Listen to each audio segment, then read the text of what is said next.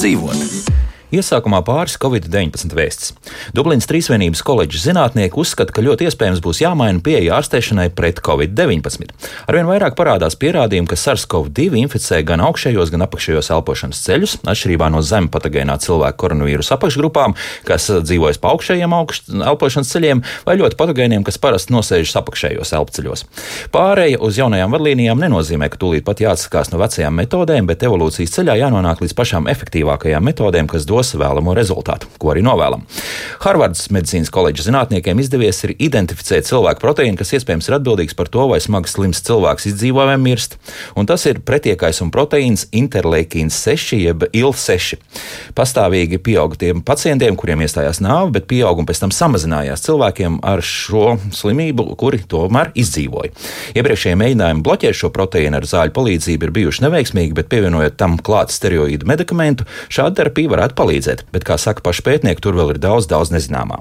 Un noslēgumā aktuāli vēsts visiem D vitamīnu ķērājiem arī ar saules staru palīdzību. Visdrīzākais normāls D vitamīna daudzums asinīs nepalīdzēs cīņā ar covid-19. Tā secinājuši Kornelas Universitātes zinātnieki, izanalizējot milzīgu datu apjomu, ņemot vērā tikai cilvēka ģenētiku. Viņi secinājuši, ka nav saskatām tieši sēknes starp D vitamīnu un cik smagi cilvēks slimo ar covid-19. Bet tas nenozīmē, ka mums būtu jādzīvo ar pazeminātu D vitamīnu daudzumu. Bet tas jau ir cits stāsts, bet šodien par to, kā līdz pašai slimībai nenonāk raidījumā, kā labāk dzīvot. Kristaps Eida pie studijas pults, Lorita Bērziņa raidījuma producenta un es Elsijas Jansons šeit studijā. Esiet sveicināti! Iespējams, bet tie, tiešām, tiešām tikai iespējams. Šodien liksim punktu ļoti garajam raidījuma ciklam par vakcīnām un vakcinēšanos pret covid-19. Un šobrīd esmu sazinājies ar Rīgas Tradiņu universitātes profesori, infektoloģijas katedras vadītāju Ludmilu Vīksnu. Ludmila, sveicināti! Labrīt. Eh, Profesori, jūs esat, eh, kā saka, fronts pirmajās līnijās, un man patiesībā ir divi jautājumi. Eh, proti, jau vakar parādījās informācija, ka mēs pēc kritiskās principā, situācijas, kāda tā šobrīd ir, esam apmēram tajā pašā stāvoklī, kā bija 2020. gada decembrī. Tā ir taisnība, to, ko jūs redzat slimnīcā. Nu, jā, pēc līgniem un pēc cipariem mēs tiešām to varam saskatīt. Šobrīd tā ir. Pret to nevar iebilst nekādā gadījumā. Mm. Jūs gribētu, lai es pakomentēju? Jā, protams. Jā, jā skaidrs. Ziniet, man vispirms gribējās pakomentēt to, ko jūs sākumā teicāt mm -hmm. par interleikīnu 6. Jo interleikīnu 6, piemēram, Latvijā mēs nosakām jau ļoti sen, mm -hmm. tikko mūsu slimība sākās, un mēs arī pēc šī rādītāja ļoti bieži orientējamies uz to, kāda slimniekam būs nu, prognozējamā gaita. Tas mums stipri palīdz, neskatoties uz to, ka tik tiešām vēl to e, medikamentu, kurš e, nu, nosacīts bloķē interleikīnu 6, mēs vēl nesaņemam. Bet, principā mēs zinām un esam sagatavoti tai situācijai. Tas attiecas uz tiem cipariņiem, pa kuriem jūs runājat. Tik mm -hmm. tiešām tie cipari ir un tie iemesli ir vairāk. Nu, viens ir tas, ka izplatās uh, britu štāms vairāk, tas būtu viens iemesls. Un otrs, tomēr cilvēki ir saguruši un faktiski nereti mēs vairs neievērojam tos nosacījumus, kuri būtu jāievēro. Un es esmu ļoti bažīga par to, ka daudz tiek runāts, ka izējot tagad ārā un ārā nu, vairāk dzīvojot, mēs būsim vairāk pasargāti. Nu, tas gluži nav tiesa, jo arī ārā ir ļoti jāuzmanās, respektīvi tāpat ir jāmēģina retāk satikties, īsāku laiku un atrasties vienam no otra lielākā distancē, tā kā tas bija agrāk ieteikts un, un pateikts. Un tie cipariņi mums aug arī tāpēc, ka bērni ir sākuši slimot. Tā ir tā nepatīkamā lieta, bet no otras puses arī šajās dienās Pfizer paziņoja, ka viņi ne tik vien kā bērniem no 16 gadiem, bet jau no 12 gadiem uh, plāno pielietot vakcīnu un līdz ar to tad mēs būsim arī pasargāti no tā, ka bērniņi tik daudz slimos. Jo bērniņiem grūti pastāstīt, ka viņam jāatrodas vienam no otra divu metru attālumā un, un vēl maskā. Un, uh, tad kā tad tās sporta spēles varētu notikt plānotās. Tā kā tie cipari ir, ir saprotami, kāpēc tādi ir izveidojušies. Mm -hmm, tad tomēr disciplīnu derētu ievērot, ja? neskatoties uz to, varbūt arī par tiem cilvēkiem, kas jau ir vakcinēti, runājot. Ziniet, vakcinētiem arī jāievēro disciplīna, tāpēc ka vakcinētie jau nav pasargāti no inficēšanās. un nodot citam vīrusu arī vakcinētie var, bet vakcinētie ir nesalīdzinām drošākā stāvoklī. Vismaz viņi nemirst un viņi neslimo ar smagām formām. Un ir jau valsts vairākas, um, Anglija un, nu, tā nosacītu, un Izraela, kur pateicoties vakcinācijai, slimo skaits ir nu, ļoti, ļoti samazinājies. Viņi tiešām var atļauties atvērt nu, pieejas daudzām vietām, kurā agrāk viņi neatļāva. Mm -hmm. Bet, profesor, arī tas otrs jautājums, ko es noteikti gribēju uzdot, vai šobrīd eh, kādā no slimnīcām ir nonācis kāds pacients, kuram šeit Latvijā ir veikta vai nu viena pota, vai pat abas potas, ja mēs runājam par dažādām šīm vakcīnām?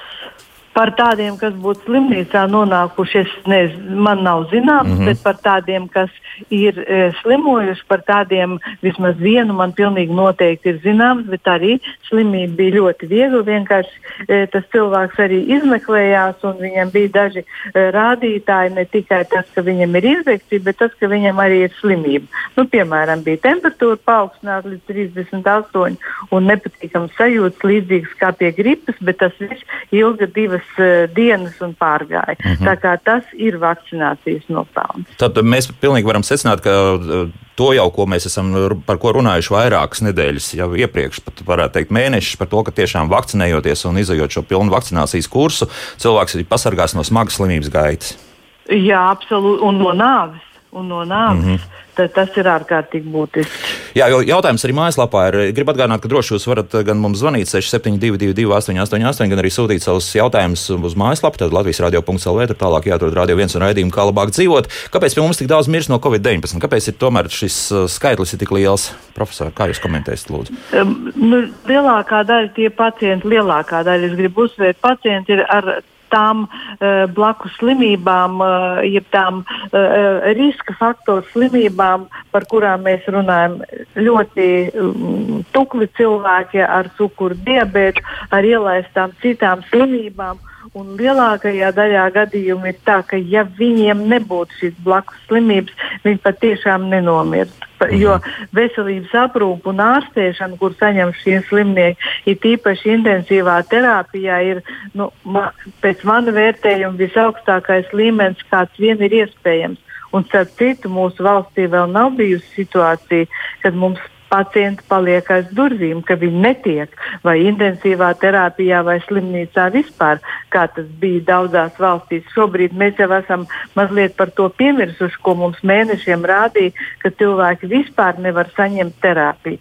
Bet, eh, pa nožēlošanu tie, kas ir blakus slimībām, ielaistām, nevienmēr var izdzīvot. Mm -hmm. Tad patiesībā izlīduši visi tie īlēni no maisa ārā, kas, par kuriem tika runāts gadiem, par mūsu mm -hmm. pašu dzīves stilu, diemžēl arī veselības aprūpas sistēmas nepilnībām un tā tālāk. Un tā tālāk ja? Nu, jā, mm -hmm. tā, tā ir. Klausītājs prasa, cik ilgi mūsu slimnīca tiks galā ar visiem covid pacientiem. Profesor, jūs jau pat minējāt, ka pagaidām mēs tiekam galā, bet kas notiks Nu, pagaidām tiekam galā. Ja, ja, ja jautā par veselības aprūpas sistēmu, tad es ļoti gribu cerēt, ka mēs vispār tiksim galā, tāpēc ka mēs arvien vairāk un vairāk vakcinējam un cilvēki grib vakcinēties. Jo traģēdija būs tad, ja cilvēki izlems, ka viņi, piemēram, kāds negrib vakcinēties. Priekš tā būs tā traģēdija. Bet, ja vispār, tad droši vien, ka apmēram pusotra, divi gadi mums aizies, kamēr mēs iemācīsimies sadzīvot gan vakcinētie, gan pārslimojušie ar šo slimību. Un, diemžēl man liekas, ka mēs dzīvosim ar to visu atlikušo mūžu. Tomēr tā būs. Ja? Mm tā domāju. Mm -hmm. Un cerības uz to, ka šis vīrus nomutēs līdz tādai robežai, ka mēs saskarsimies tikai ar to, kā pieņemsim iesnas vai, vai sarkanas kakls, laikam varam cerēt vai nē. Cerēt varam, bet zināt nevaram. Mm -hmm, tā, lūk, jā. Profesor, man tiešām jūs jālaiž, un nu, tad e, so, tiešām e, veiksmi šodien visos darbos, un tiešām paldies par, par ieskatu to, kas notiek e, reāli šobrīd arī Latvijas slimnīcās. Rīgas Tradiņu universitātes profesora infektoloģijas katras vadītāja Ludmila Vīgs bija kopā ar mums profesoru. Tiešām, lai veids šodien darbos. Paldies! Un mēs paldies. turpinām mūsu raidījumu, un šobrīd esmu sazinājies ar vakcinācijas projektu biroju pārstāvu Ievu Stūri. Ievu sveicināti! Labrīt. Labrīt. Un uzreiz jau arī jautājums mm, visdrīzākais jau ir jums par to, vai mm, nevajadzētu sniegt informāciju par saslimušiem, stacionētajiem mirušajiem starp jau divas reizes vakcinētājiem. Anna mums tā jautā, tāda vēl papildus dažāda informācija. Vai ir jēgas sniegt vai nav jēgas sniegt, vai tas vispār ir iespējams? Cilvēki atbalsta risinājums. Mēs to apdomāsim. Pagaidām mums tāda statistika nav automātiski pieejama, tad viņa būtu jāsaorganizē, lai tāda būtu.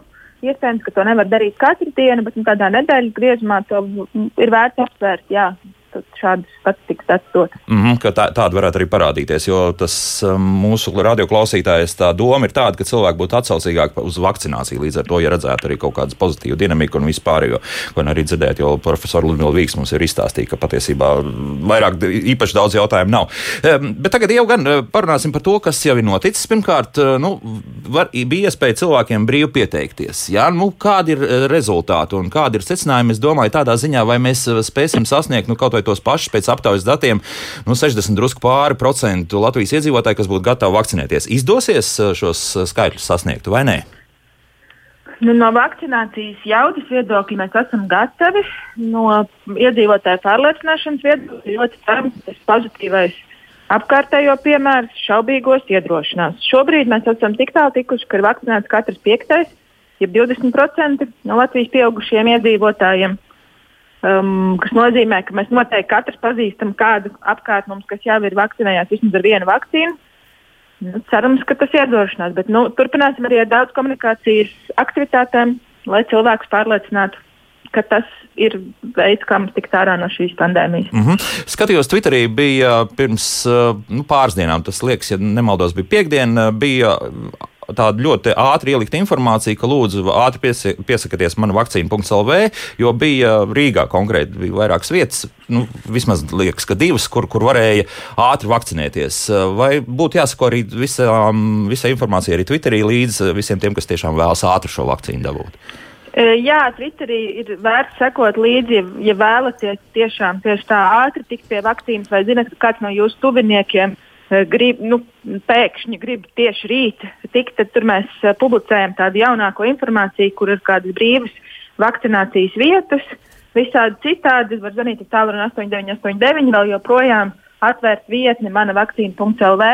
Nu, šobrīd jaunākie dati ir tādi, ka tuvākajām trīs nedēļām tur ir 12,000 brīvas pieraksta vietas. Mm -hmm nozīmē, nu, tā pavadot desmit minūtes maksimums, nedaudz meklējot, var noteikti atrast sev tuvāko, uh, tuvāko laiku nākam, nākošajā nedēļā. Jā, tā tik tā labi, bet uh, kā ar geogrāfiju šobrīd, jo daudz informācijas tajā pašā Twitterī es arī atradu, ka nu, joprojām tie lauka rajoni netiek tik, lab, tik labi ap tādi aptvērti? Jā. Nu, es teiktu, ka šobrīd ir tā, ka mēs jau vairākas nedēļas, trīs, četras nedēļas pēc kārtas ģimenes ārstiem esam piegādājuši visu pasūtīto apjomu. Uh mhm. -huh. Tas nozīmē, ja jūs ģimenes ārsti vakcinē, tad jums vajadzētu prasīt ģimenes ārstam, lai e, atrod vietu vakcinācijai arī jums. Otrām kārtām esam piegādājuši visu pasūtīto apjomu arī ārstniecības iestādēm. Uh, vakcinācijas centri strādā šonadēļ nu jau 23 Latvijas pilsētās. Tā kā mm, ir par, padomāt arī par geogrāfisko pārklājumu. Plus vēl, piemēram, šonadēļ uh, vakcinācija tiks rīkota divās izbraukuma vietās ar izbraukuma uh, pakalpojumu nodrošināšanu Rēzeknas novadā, Maltā un Viļānos. Un, tās pirmās pieredzes ir ļoti sekmīgas. Šādas izbraukuma vakcinācijas attālākajos punktos, kur iedzīvotājiem nav iespēja nokļūt lielajos centros, arī paralēli tiks rīkotas. Tā kā domājam arī par šo geogrāfisko pārklājumu. Mm -hmm. Kā klājās vakar ar senioru stundu? Tas nedaudz rīvē man kanti, tāpēc, ka tas notiek raidījuma laikā mums, un tas reitings nedaudz zaudē, bet es esmu gatavs pazaudēt uz kādu brīdi savus radioklausītājus, lai pēc tam tos atgūtu jau vesels. Jā, kā, kā vakar gāja? Bija neliela cilvēku interese. Šobrīd Neliela, tas lielākais izaicinājums ir tāds, ka ir 23 pilsētā šie punkti. Kopumā viņi ir pat vairāk, jo Rīgā ir vismaz četras vietas, kur šie vakcinācijas centri strādā. Bet pagaidām ir tā, ka šie centri katrs strādā cits, uh, katru savu dienu. Mm -hmm. Un, uh, pirms doties, es ieteiktu noskaidrot, vai no tālruņa 8989 vai pilsētas mājaslapās, vai tajā konkrētajā dienā, kad jūs gribat doties uz savu izvēlēto centru, vai viņš vispār ir vaļā. Lai nav tā, ka ir jādodas un tur centra durvis ir cietas. Mm -hmm. um, šobrīd domājam par to, kā ieviest, ka nākošajās nedēļās vismaz vienu dienu vai divas dienas nedēļā strādā visi centri, tad būs arī vieglāk pateikt, ka, piemēram, piekdienās šie centri strādā visi, visā Latvijā, visur, tad ir vieglāk šī, nu, zināt, kurā dienā kurš centrs strādā. Lūk, tā. Un uh, savukārt informācija par to, ka 89, 89 joprojām tā mm, ietilpība nu, ir kāda ir, būs kaut kas uzlabosies. Ai, tā, to jā, es Twitter izlasīju. Jā. Jā, jā, vēlos atvainoties visiem, kas nevar šobrīd sazvanīt operatoru 89, 89 gaidīšanas laiks pagaidām ir ilgs, jo iedzīvotāji interesi ir augusi. Pēdējā laikā tas ir labi, bet uh, no nākošās nedēļas būs atkal palielinātas operatoru jaudas. Un, ja neizdodas sazvanīt šonadēļ, tad nākošais nedēļa būs stipri vieglāk tas, uh, to zvanu mm -hmm. izdarīt. Mums, uh, kopā ar mums ir Rīgas Tradiņu Universitātes bioloģijas un mikrobioloģijas katedras vadītāja un profesora Juta Kroiča. Profesors, sveicināti! Labrīt! Labrīt, un uh, arī jums jau jautājumi būs uh, šādi. Nu, piemēram, to, ka cilvēkiem atkal ir plānotas operācijas, un vai sakarā ar ierobežojumiem tās neatliks, te, te, te mums ir grūti laikam komentēt, vai kaut ko atliks vai neatliks. Ja? Uh, to man ir grūti komentēt. Tas ir jāskatās pēc uh, plāna, jo noteikti slimnīca jau plāno savus uh, operācijas laikā uz priekšu, bet visu var ienest uh, korekcijas um, Covid infekcija. Tā kā principā noteikti ir jāsako tam Un noteikti pirms operācijas vajadzēs savakcinēties. Tad būtu pilnīgi droši iet uz operāciju. Mm -hmm. Viens svarīgs jautājums, ko mums uzdod uh, radioklausītāja Karina. Kāpēc vakcinētajiem, tiem, kas ir vakcinēti, dod priekšrocības, jo viņi tomēr var būt infekciozi? Viņi taču vienalga apdraud pārējos. Profesor, kāpēc ir uh, šāda tomēr pieeja? Uh, viņi apdraud uh, pārējos par cik procentiem? 84% gadījumu viņi ir droši. Un uh, nekas nav simtprocentīgs, bet tie atlikušie procenti, par cik viņi varētu būt bīstami, ir 16%. Šobrīd statistika rāda. Vēl pirms dažiem mēnešiem cerēja ražotāji, ka tā statistika būs 50 pret 50. Tātad nu, puse apdraudēs, puse neapdraudēs vakcinēto. Dzīve rāda, ka tie skaitļi ir daudzkārt labāki. Daudz nu, kā labāk. Līdz, ja? Jā. Tieši tā, 84 uh, gadījumos uh, tie jā. vakcinētie cilvēki neizplatīja infekciju, nepārnes apkārtējiem. Tas ir milzīgi augsts procents. Nu, tad iznāk, ka tagad jautājums bija par tiem nieka 16%. Varbūt pēc mēneša, kad vēl vairāk jau būs dati un, un, un statistika, tas tie 84% augs uz vēl lielāku skaitu. Tā kā eh, es domāju, ka tas ir milzīgs eh, vakcīnas sasniegums. Ne tikai pasargāt no smagas slimības, no nāves, bet arī no šīs pārnešanas. Mm -hmm. uh, arī tur tālāk arī seko jautājums par to, vai cilvēkiem nu, būtu jāveic vēlāk arī testi par, par šīm antivielām, jau, kas, kas būs asinīs. Proti, arī tie, kas vēlēsies ceļot, visdrīzākais, ka būs e, jāuzrāda gan šī potēšanās pase, un plus vēl tam visam arī tests, jā, ka šīs antivielas ir. Nu, Nē, tā ir interpretācija. Interpretācija tomēr, tā, jā? jā, mhm. tā ir interpretācija, tāpēc ka antivielas ir tikai viena puse no aizsardzības. Otra puse ir šūnu imunitātei, un šūnu imunitāte ar antivielām nevar noteikt, jo um, ceļotājiem vēl pirms nu, pāris nedēļām vai trim nedēļām, īpaši tie, kas ceļoja uz uh, Ēģipti, kas ceļoja uz uh, Spāniju, bija jāuzrāda mm, negatīvs šis um, nazofaringiālais tests. Nevis antivielas. Tā, tas, ko degunā jā, ieliek iekšā. Jā, jā tieši -hmm. tā. Jā, uz vietas. Un, un uh, to veica gan uh, divas dienas pirms ceļošanas šeit Latvijā, gan uh, atpakaļ atgriežoties bija tur jāiet testēt, un mēs zinām daudz stāstu cik grūti ir izstāvēt tur rindā, svešā zemē, dabūt laicīgi šos testus. Tur bija vesela rinda apgrūtinājumu. Bet šobrīd jau ir valsts kas vienkārši pasludina, ka visi vakcinētie viņi uzrāda vakcinācijas pasi un var ceļot. Pirmais piemērs, kas bija pirms dažām dienām, tā bija Kipra.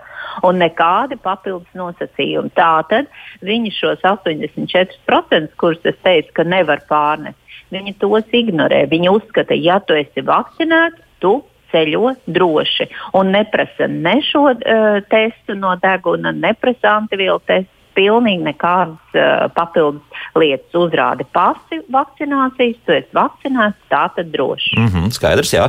Um, ko darīt tad? Mums kā jautā, ja nepatīkams sajūtas pēc vakcinācijas turpinās nevis trīs dienas, par ko visu runā, bet vairāk nekā mēnesis. Viens gadījums mums jau bija pirms kāda laika. Profesori, atcerieties, jā, piezvanīja kādu kundzi teica par to temperatūru, kas trīs nedēļas turs. Um, šādi gadījumi noteikti par tiem ir jāziņo pirmkārt, laikam. Jā? Pirmkārt, ir jāziņo un noteikti jāiet pie sava ģimenes ārsta vai right? Varbūt, ja jūs esat kādas citas pamatsaslimšanas uh, grupā, tad noteikti pie tā ārsta, kas uzraug šo pamatsaslimšanu. Ja tāda nav, tad pie ģimenes ārsta. Noteikti to nevajag ignorēt un kopā ar ārstu tad, um, izspriest, kāds varētu būt iemesls. Un, ja tu tiešām domā par to, ka tas ir pēc vakcinācijas, tad obligāti ir ziņojums uh, visām institūcijām. Mm. Nu, tev gan uzreiz mūsu klausītāji raksta, ka ģimenes ārsts raust plecus un nezinu. Jā, tad uh, nākamais solis būtu. Nu, redziet, uh, ģimenes ārsts rauc plecus, jo līdzīgi es uh, arī centos atbildēt uz pilnīgi visiem e-pastiem, ko man pēc iepriekšējā raidījuma rakstīja. Un uh, ir da, vairāk cilvēku tādu pārmetumi. Šis vīrus uh, uz pasaules neatnāca ar instrukciju, kā mums Tālāk rīkoties. Dzīvot, jā, jā. Vīrusam nebija līdz pamācība dari to, vai dari šo, vai dari tā, vai nedari šādi. Ar katru reizi nāk ar vien vairāk klāta informācija. Paskatieties, kā tagad izmainās, ja tā var teikt, infekcijas seja. Tātad Latvijā jau 90% gadījumu ir šis britu variants. Slimo bērni, slimo jauni cilvēki, smagi slimo. Un, uh, ko es gribētu akcentēt, mm, kas ir pēdējo dienu dati un fakti, ka mirst gados jauni cilvēki bez blakus saslimšanām. Uzsvars uz vārdu bez blakus saslimšanām. Un paskatieties statistiku. Tas ir šausminoši. Ja vecuma grupā no 20 līdz 29 gadiem mums jāzaudē cilvēks, ja vecuma grupā 40 gadi, ir jāzaudē cilvēki. Jo tas bija iepriekšējā sestdienā, svētdienā, kad mums bija uh, vairāk mirušie cilvēki. Uh, viena sieviete, 48 gadi, bez blakus saslimšanai. Viņai uzreiz jau sākotnēji šī covid infekcija gāja ļoti, ļoti smagi. Trīs nedēļas viņa gulēja reanimācijā un beigās uh, tomēr cilvēks nomira. 52 gadus vecs vīrietis, 58 gadus vecs vīrietis. Tā viss ir iepriekšējās nedēļas uh, statistika. Bez blakus saslimšanām. Nerunājot jau, ja cilvēkam ir 50 un vairāk, viņam jālieto varbūt ir kāds hipertenzijas zāles, vēl kādi citi preparāti, un viņš pieder šai riska grupai. Nevajag tā iedomāties, ah, oh, es neesmu riska grupā, tā tad nē, tieši otrādi. Šeit pilnīgi nevar pateikt tādas likumsakarības, ja, tāpēc uh, nu, tas. Ir vienkārši mīts, un tā nav pareizi. Un līdz ar to, atgriežoties pie pamata jautājuma, es pilnīgi saprotu ģimenes ārstu, ka viņa nevar īsti uh, paskaidrot, bet ģimenes ārstei ir zināms telefons, kuru viņa var piezvanīt uz uh, imunizācijas valsts padomi, viņi var piezvanīt uz zāļu valsts aģentūru, viņi var konsultēties, viņi var pieteikt šo gadījumu, un to tad izskatīs un, un dos rekomendācijas. Nu, tā nevar atstāt ģimenes ārsts raust plecs. Mm -hmm. nu, mhm. negrib, uh, Drusku ir jāuzspiež arī ģimenes ārstam, lai izdara visu līdz galam. Ja? Savu no savas puses, visu, kā tam ir jābūt šajā periodā, kad par vakcīnām ir jāziņo, ja kaut kas ir satraucoši. Mm -hmm. Ievai, Tajā pašā jā, laikā jā. es vēl tikai vienu teikumu pabeigšu. Tātad, ja ir šī infekcija, man tagad eh, šīs iepriekšējās divās, trijās nedēļās nāca vien vairāk dati jauni cilvēki, 30, 35 gadīgi, 5 mēnešus jau e, mocās ir pazaudējuši ožu. Tātad izslimoja janvārī, tūlīt pēc Ziemassvētkiem, un ožu, e, ožu zudums nu, jau ir pusgadu gandrīz. Jā. Nu, to arī tā nevar atstāt. Tas ir, tas ir tik ļoti satraucoši. E, tātad tā infekcija var atstāt ļoti smagas tādas pēc um, pārslimošanas sekas, par kurām arvien vairāk tagad runā. Tieši tādā vēlīnā periodā mēs nekad nezinām, kas būs vēlāk un kā atgriezīsies šīs sekas. Tā kā katru saslimšanas gadījumu, pat vieglu, vidēju vai nerunāt jau par smagu, ir jāuztver kā ļoti nopietnu saslimšanu. Mm -hmm. Tā vai mūsu radioklausītājs sagaidīja? Halo! Alo. Jā, lūdzu. Man ir tāds jautājums internetu speciālistiem. Sakiet, lūdzu, kā tas ir, ja cilvēks nomirst ar covid? Vai arī covid vīrus līdz ar to nomirst? Tātad līdz ar, ar pašu cilvēku. Ja? Nē. Jā. Kāpēc mēs viņus iekonservējam zemē? Mm, Jā, skaidrs. Uh, vīrusam ir nepieciešams dzīves šūnas, un tātad, ja nav šo dzīvo šūnu, tad vīruss apkārtējā vidē uh, izturās kā uh, kristāliņš. Vienkārši kā kristāliņš, viņš ir nedzīvs, viņš nes šo ģenētisko informāciju, bet viņš uh, vienkārši iznīkst, jo viņam nav šo dzīvo šūnu. Skaidrs. Tātad zemē vīrusus neiekonservē, bet tajā pašā laikā uh, ir atklājumi Antarktīdā dziļos sasalumos, ledājos, kur ir atrasti vēl eh, dažādu vīrusu infekciju eksistences. Tieši tāpat arī uzrokot mēra um, kapus, uh, arī var atrast uh, informāciju par šīm baktērijām un, un, un tādām lietām. Ja, bet, uh, Vīrusam atšķirībā no baktērijām ir tā īpašība, ka viņam ir vajadzīgs dzīves šūnas. Tāpēc es teiktu, nē, bet tomēr ir vesela rinda ierobežojumu, kā e, ir šie mirušie cilvēki jābedī, ka nevar būt atvērts zārks un, un, un cilvēki būt tuvumā. Un, un tā, tā kā tur ir vesela rinda tomēr ierobežojumu. Ir tomēr, jā. Ievaip te pāris jautājumi. Ines mums uzrakstījusi šādu vakcinācijas biroja darbu vērtē negatīvi. Manā ģimenē cilvēks, kurš jau 31. martā saņēma otru vakcīnu, 8. maijā saņem īziņu, lai piesakās vakcinācijai. Es 1. maijā saņēmu pirmo vakcīnu un 7. Maijā saņēmu zvanu vai nevēlos vakcinēties. Vienmēr sakot, ka nezinu, datubāzes kaut kā savā starpā nesadzīvo. Jau kas tur pa lietu varētu būt? Jā, mēs atvainojamies par šo pārpratumu. Uh, mēs esam konstatējuši, ka tā ir principā e-veselības uh, nu, problēma. Cilvēki, kuri ir saņēmuši vakcīnu, viņu dati ir ievadīti sistēmā, bet e-veselība to kaut kādiem iemesliem dēļ neatpazīst, kas šobrīd arī tiek pētīts un, un risināts, lai visi dati parādītos uh, visās sistēmās. Mm. Cilvēkiem ar šo atkārtot izmēģinājumu. Mm -hmm. Jo te arī par runu par Rīgu, par izbraukuma sesiju, un tur arī nav cilvēki saņēmuši informāciju, kaut gan pieteikušies ir, kas tālāk notiek īsti nav skaidrs. Tas ir tas pats stāsts vai atkal kas ir? Nē, cits? tas ir cits. Es pareizi saprotu, te ir domāta izbraukuma vakcinācija mājās, kas šobrīd ļoti aktīvi notiek. Nu, cilvēkiem uh, vēl ir jāgaida, vai jāzina 8, 9, 8, 9. Vēlreiz jāinteresējās, bet principā izbraukuma vakcinācija notiek. Ja vien jūs esat pieteikušies uh, pa šo tālruni, tad dati ir nodoti vakcinācijas pakalpojumu sniedzējiem, un viņi to dara. Mm -hmm. nu, bet, kā, bet nu, tā izskatās, ka internetā to izdarīt ir vieglāk, un, un tur tā sistēma strādā labāk. Ja? Respektīvi, man vakcīna.lv. Ja, e, tur var pieteikties e, vakcinācijai ārstniecības iestādēs. Izbraukuma vakcinācija mājās. Ne, nevarēs, jā. Pa tālruni. À, tikai pa tālruni, jā. Nu, tikai pa tālruni 8989. Jā. Mm, skaidrs, jā. Lūdzu, jūs varat jautāt. Uh, labdien! Labdien. Es gribēju, laikam, profesorai uzdot jautājumu. Šī, šī sērga jau plosās vairāk kā gadu. Ja? Un kādi ir dati par recidīvu, teiksim, kas izslimoja pirmajā tanī vilnī? Vai ir at, nu, Cik daudz ir atkārtot gadījumu? Ja? Jā, jā. Un es pielikšu uzreiz arī klāt, varbūt kāds jau trešo reizi jau ir izslimojis, vai šādi pasaulē kaut kur ir dzirdēts. Jā, par trešo reizi es nezinu, bet par otro reizi tādi dati ir. Un tie dati patiesībā bija ļoti satraucoši un diezgan satriec ārsts, tāpēc, ka cerēja, ka tomēr šī antivielu veidošanās pasargās no atkārtotas saslimšanas. Nu, tā kā tas ir piemēram, ja mēs domājam, nu, asals, veibaks, mēs slimojam vienu reizi mūžā. Tas nav šis gadījums. Ir šie atkārtoties slimības gadījumi, respektīvi pēc pārslimošanas imunitāte nav simtprocentīga. Cilvēks slimo atkārtoti, un kas ir vēl satraucošāk, ka otrā saslimšana uh, ir daudz smagāka nekā pirmā. Ja pirmajā reizē uh, bija viegla saslimšana ar nu, dažiem, kas mums ir zinām jau šie uh, tādi vieglie simptomi, tad tā nav garantija, ka nevar saslimt otro reizi, un nav garantija, ka otrā reize nebūs daudzkārt smagāka. Tur jau ir tā lieta, kāpēc iesaka pārslimošiem cilvēkiem vakcinēties.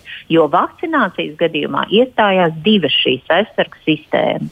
Mhm. Gan antivielas, gan šūnu imunitāte. Un uzreiz tad atgādināsim, pēc cik ilga laika būtu jēga vakcinēties.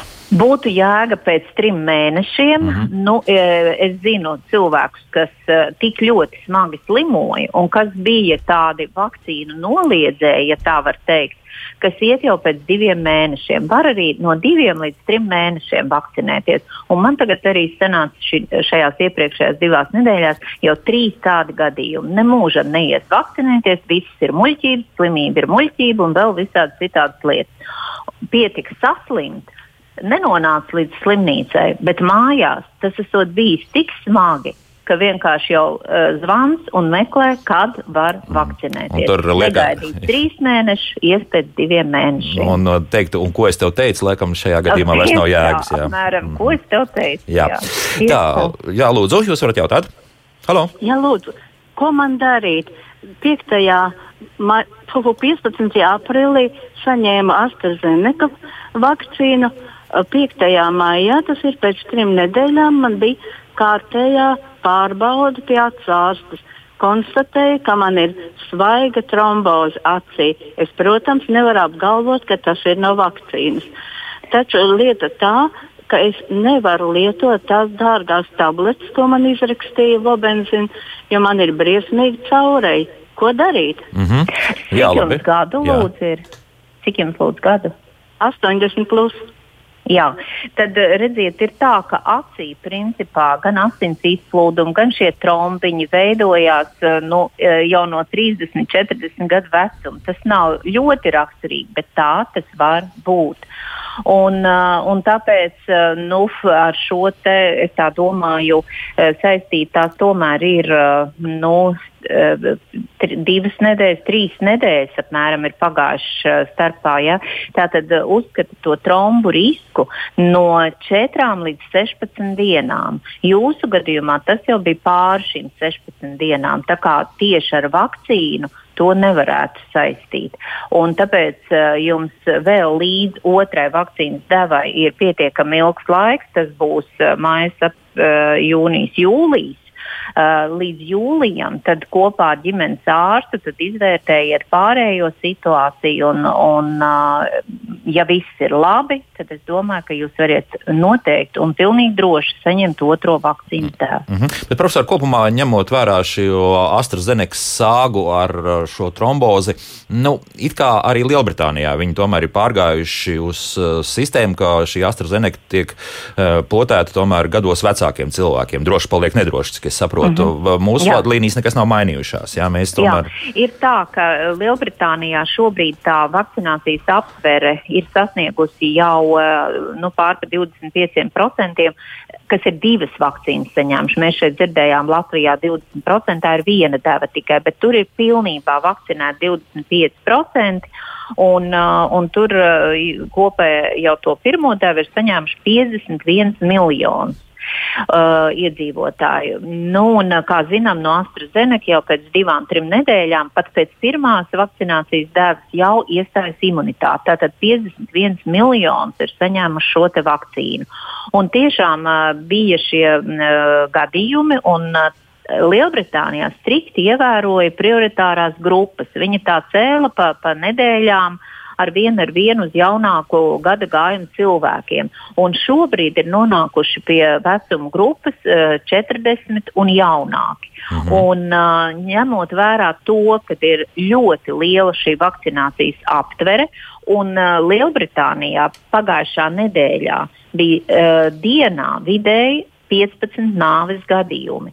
Iedzīvotāju skaits Lielbritānijā 66, 67 miljoni. Tātad uz šiem 67 miljoniem apmēram 15 nāves gadījumu dienā. Tie no Covid-19, no Covid-19, jā, tas mums raicītājiem sakām. Tā, mm -hmm. Latvijā ir desmit paši, katru jā. dienu konsekventi. Mm -hmm. Nu, bija, ja jūs atceraties, pagājušajā nedēļā 19 nāves gadījumi. Ja? Tātad tie ir absolūti nesamērojami cipari. Mums uz uh, knapiem diviem miljoniem šie 15 uh, mirušie cilvēki dienā mēs pat apmēram veram terasaļā. Mums šis ir ļoti jauki. No, jā. Lielbritānijā šis cipars ir ļoti, ļoti zems. Tātad 15 uz 67 miljoniem iedzīvotāju. Un Lielbritānija pieņēma lēmumu, ka tagad, kad ir iespēja iegādāties Pfizer vakcīnas, un nu viņi ir nonākuši līdz punktam, kad jāsāk vakcinēt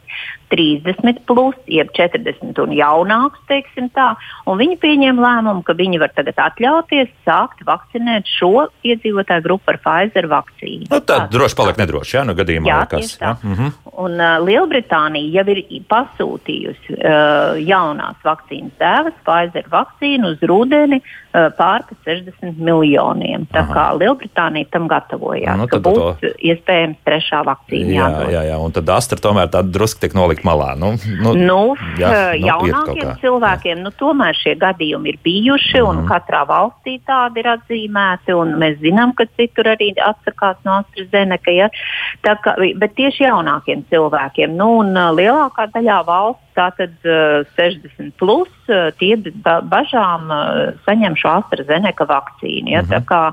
Mm, Šai vecuma grupai tur vispār nav problēma. Ehm, Tā, ievai atkal jautājums. Mana radiniece ilgstoši dzīvo un strādā Beļģijā, bet tur vēl nespīd viņai vakcinācija. Vai viņi var atbraukt uz Rīgu un te vakcinēties? Latvijas pilsone, bet deklarētā dzīves vieta it kā nav Latvijā, bet tas laikam īpaši nav svarīgi. Ja, nu, tad varam izpalīdzēt mūsu tautietē. Jā, visi Latvijas pilsoņi var saņemt vakcīnu Latvijā. Mm -hmm. Caur manu vakcīnu LV visdrīzākais jā, būtu visvieglākais. Jā, izdarīt. ir mana vakcīna.lv. Mm -hmm, skaidrs, jā. Lūdzu, jūs varat jautāt? Halo. Labdien. Labdien. Eh, Div, divas situācijas ir pavaicāšu. Eh, Sievietei 29 gadi sakarā ar onkoloģisku saslimšanu bija pirmā vakcīna 6. aprīlī. E, un tagad nāk ar AstraZeneca. Un nākamā ir jābūt apmēram divas nedēļas pēc plānotās operācijas, maija beigās. Vai tā vakcinācija būs iespējama vai nē, tas viens. Un otrs bija situācijas atslieciniece. Vilcienā braucot, iekāpa sieviete apmēram ap 50 gadi bez maskas. Un kontrolieris ļoti pieklājīgi viņu uzrunāja, aizrādīja par maskas nesamību.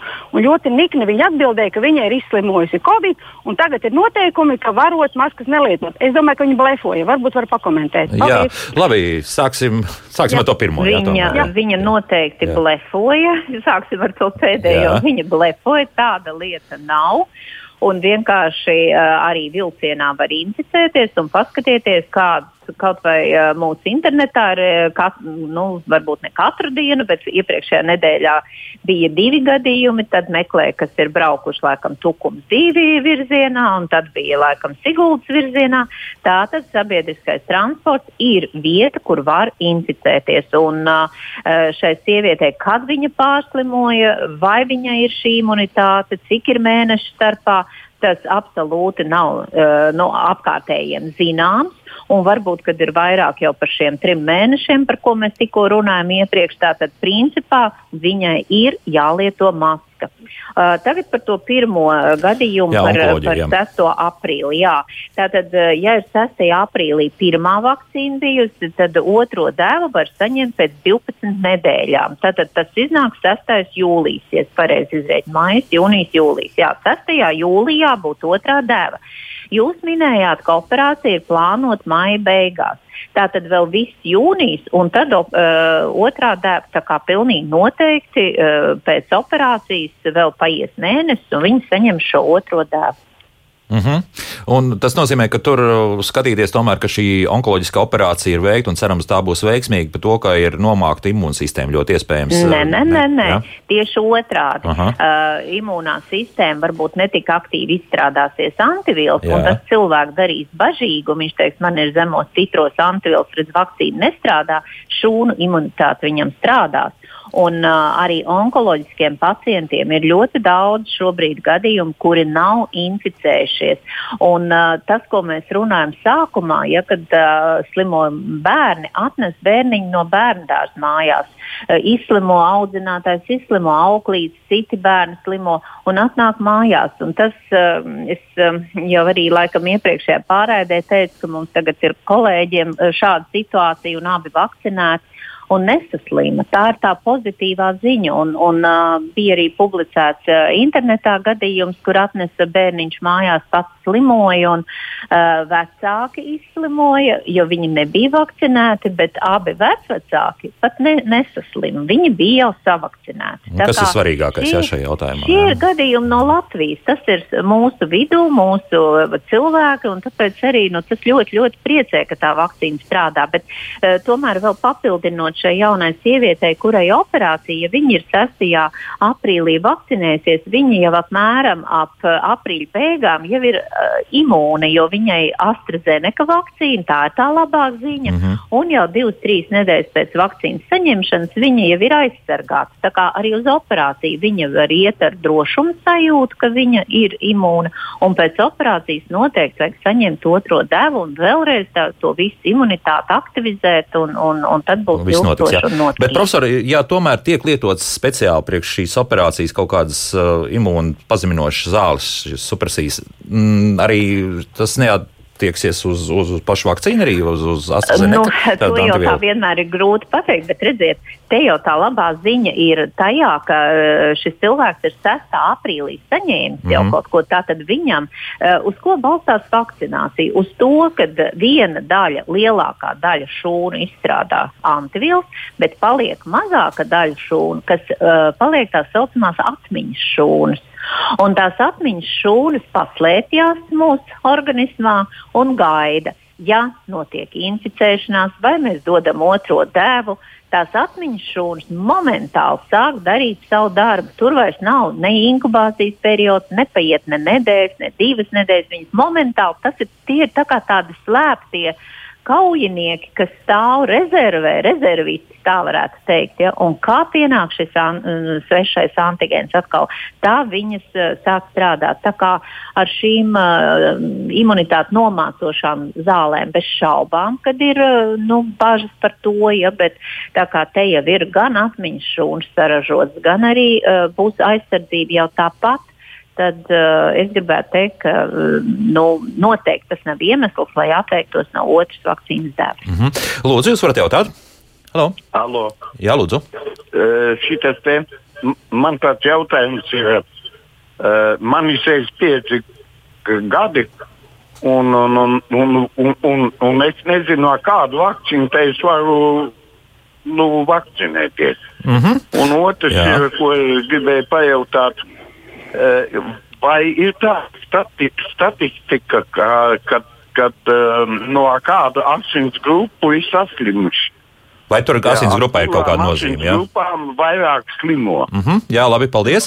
Tātad reizes pozitīvas, Jā. negatīvas un, un asins grupas. Jā. Vai Jā. ir kaut kādi zinātniski pētījumi, kas pierāda, ka Tad, kaut kas nē, slimo tādi vairāk? dati nav. Eh, Tādi dati bija par eh, dažām baktēriju infekcijām, kad vienkārši nu, jau kur ir uh, daudzu desmitu gadu pieredze un tad apmēram apkopoja, nu, ka it kā slimo vairāk viens asinsgrupas cilvēks vai otrs. Šeit Covid gadījumā tas nav pierādīts. Uh, nu, vēl zināms paralēls Amerikā, kur uh, noteica, ka tomēr uh, melnādainie cilvēki slimo biežāk, jo tur bija statistiski tiešām uh, ievērojams tas uh, saslimušo un mirušo cilvēku skaits, bet tad sāk atkal domāt, iespējams, ka tur bija stuff kontakti, neklausīja šai, uh, šai um, nu, epidemiologa ieteikumam, ka nevar pulcēties tuvāk. Un Tā, tā kā šeit tādu robežu novilkt nevar. Bet attiecībā par uh, to pirmo Mhm. jautājumu Par daļu, vakcīnu. kuru vakcīnu ņemt, es atbildētu pirmo, kuru jums dod. Tātad vai nu tas ir pie ģimenes ārsta, vai tas ir mana vakcīna. Ja tajā dienā ir moderna, ņemiet to. Ja tajā dienā jums piedāvā AstraZeneca, ņemiet to. Jūs esat pilnīgi drošā vecuma grupā. Ja tā ir uh, Pfizer vakcīna, ņemiet arī to. Kur ir atšķirība? Tātad, ja jūs uh, uh, vakcinēsieties ar AstraZeneca, tad jau pēc divām, trim nedēļām jūs varat justies droši, uh, samērā droši, ka ir jau iestājusies imunitāte. Pēc pirmās devas AstraZeneca, tātad laiks šeit spēlē lomu. Ja tas ir Moderna vai Pfizer vakcīna, tad pēc pirmās devas, ja inficējās tajā starplaikā, trijās, četrās nedēļās, nu, tad tā slimība notiek, norit vieglāk.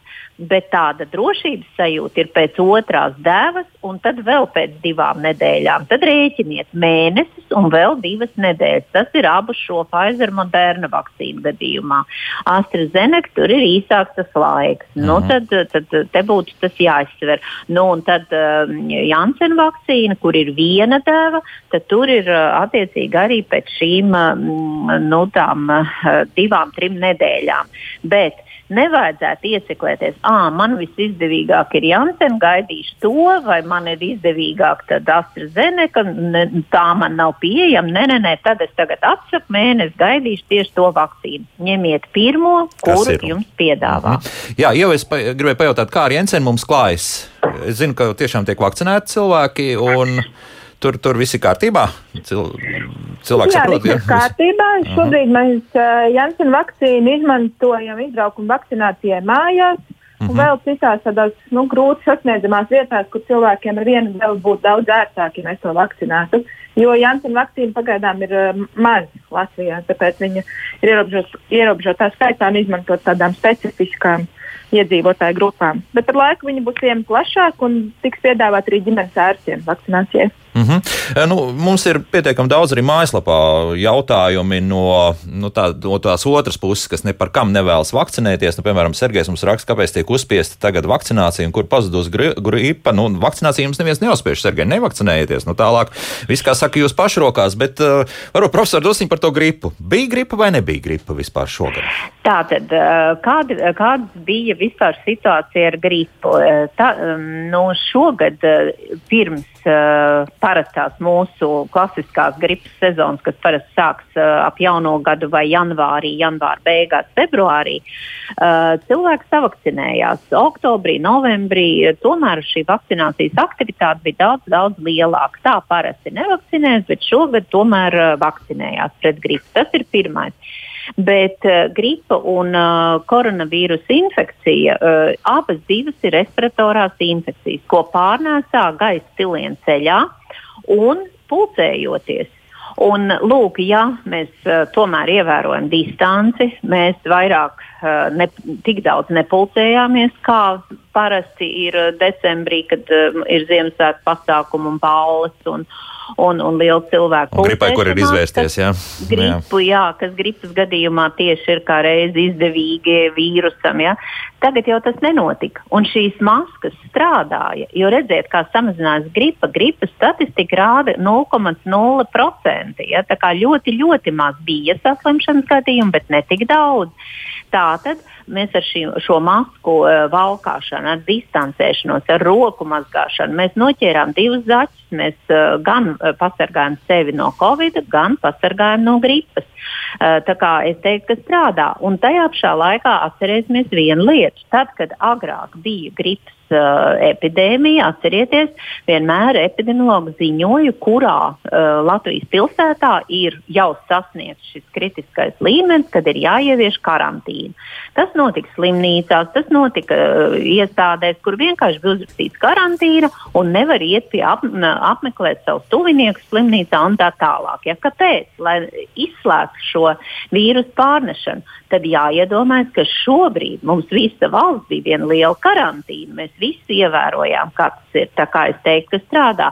Nu, stergējam par to, vakcinēties, nevakcinēties. Tā nu, to atstāsim. Tas, tas, ir, tas ir bezcerīgi. Mēs ne, nepārliecināsim, jo, jo te ir, nē, nē, nē. Nu, te ir jau ir, man jau ir paziņojis, ka šis ir propagandas raidījums un ka viņi atslēdz. Ah, nu, nu, nu, cilvēki, nu, nu, nu, es, es, jā, jā, jā, jā, lai viņi dzīvo. Nu, Dzīvojiet, jūtieties laimīgi, lai jums labi veselība, viss kārtībā. Viss. Lai, lai paskatās uz tiem cilvēkiem, kur ir pārslimoši vai kur ir zaudējuši savus tuviniekus lai paskatās, ko šie cilvēki saka. Šie cilvēki saka, ja es būtu zinājis, es tiešām visu darītu pilnīgi citādāk. Mm -hmm. Te viens uh, svarīgs jautājums ļoti atkārtojas par to, ka starp pirmo potu un otro poti cilvēks ir saslimis.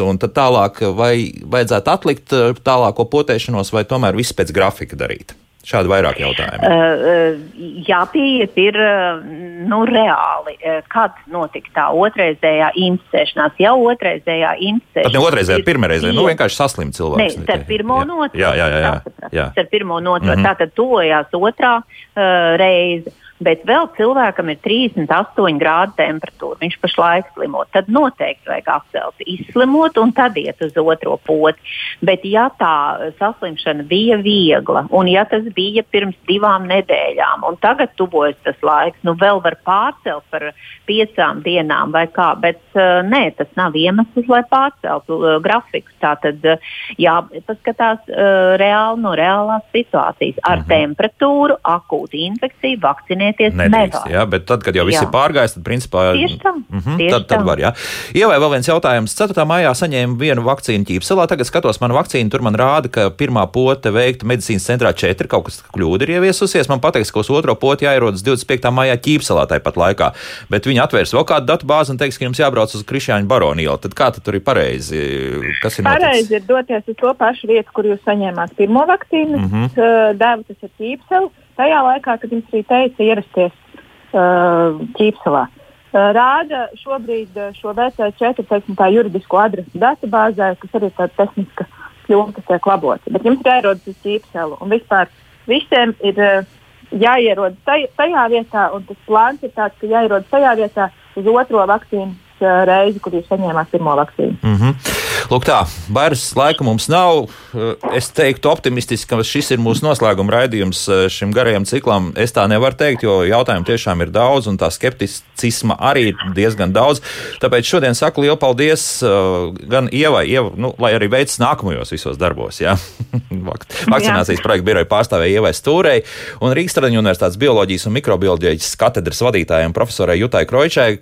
Profesori, arī liels paldies par iepriekš atbildētiem jautājumiem. Jūs atbildējāt pilnīgi visiem mūsu radioklausītājiem, kas bija mājaslapā norādījuši savu e-pastu. Tas par jā, to liels, liels paldies. Nu, es nezinu, vai vēlreiz jūs to darīsiet, jā, bet, bet, bet Nē, katrā noteikti darīšu. Ja Tomēr, jā, mēs pārsūtīsim šos jautājumus. Jā. Noteikti, jā, mm -hmm. droši sūtiet, un es noteikti atbildēšu uz visiem jautājumiem. Jā, tā kā nākamreiz, kad mēs runāsim, tad pielieciet tiešām klāt arī savu e-pasta adresi mājaslapā, tad uh, tiešām jūs saņemsiet arī atbildes. Šodien es saku paldies, bet visdrīzākais, ka mēs vēl tiekamies, jā, profesori. Paldies, jā, jā labi, visu labu. laimīgi. Diena visiem, un tā.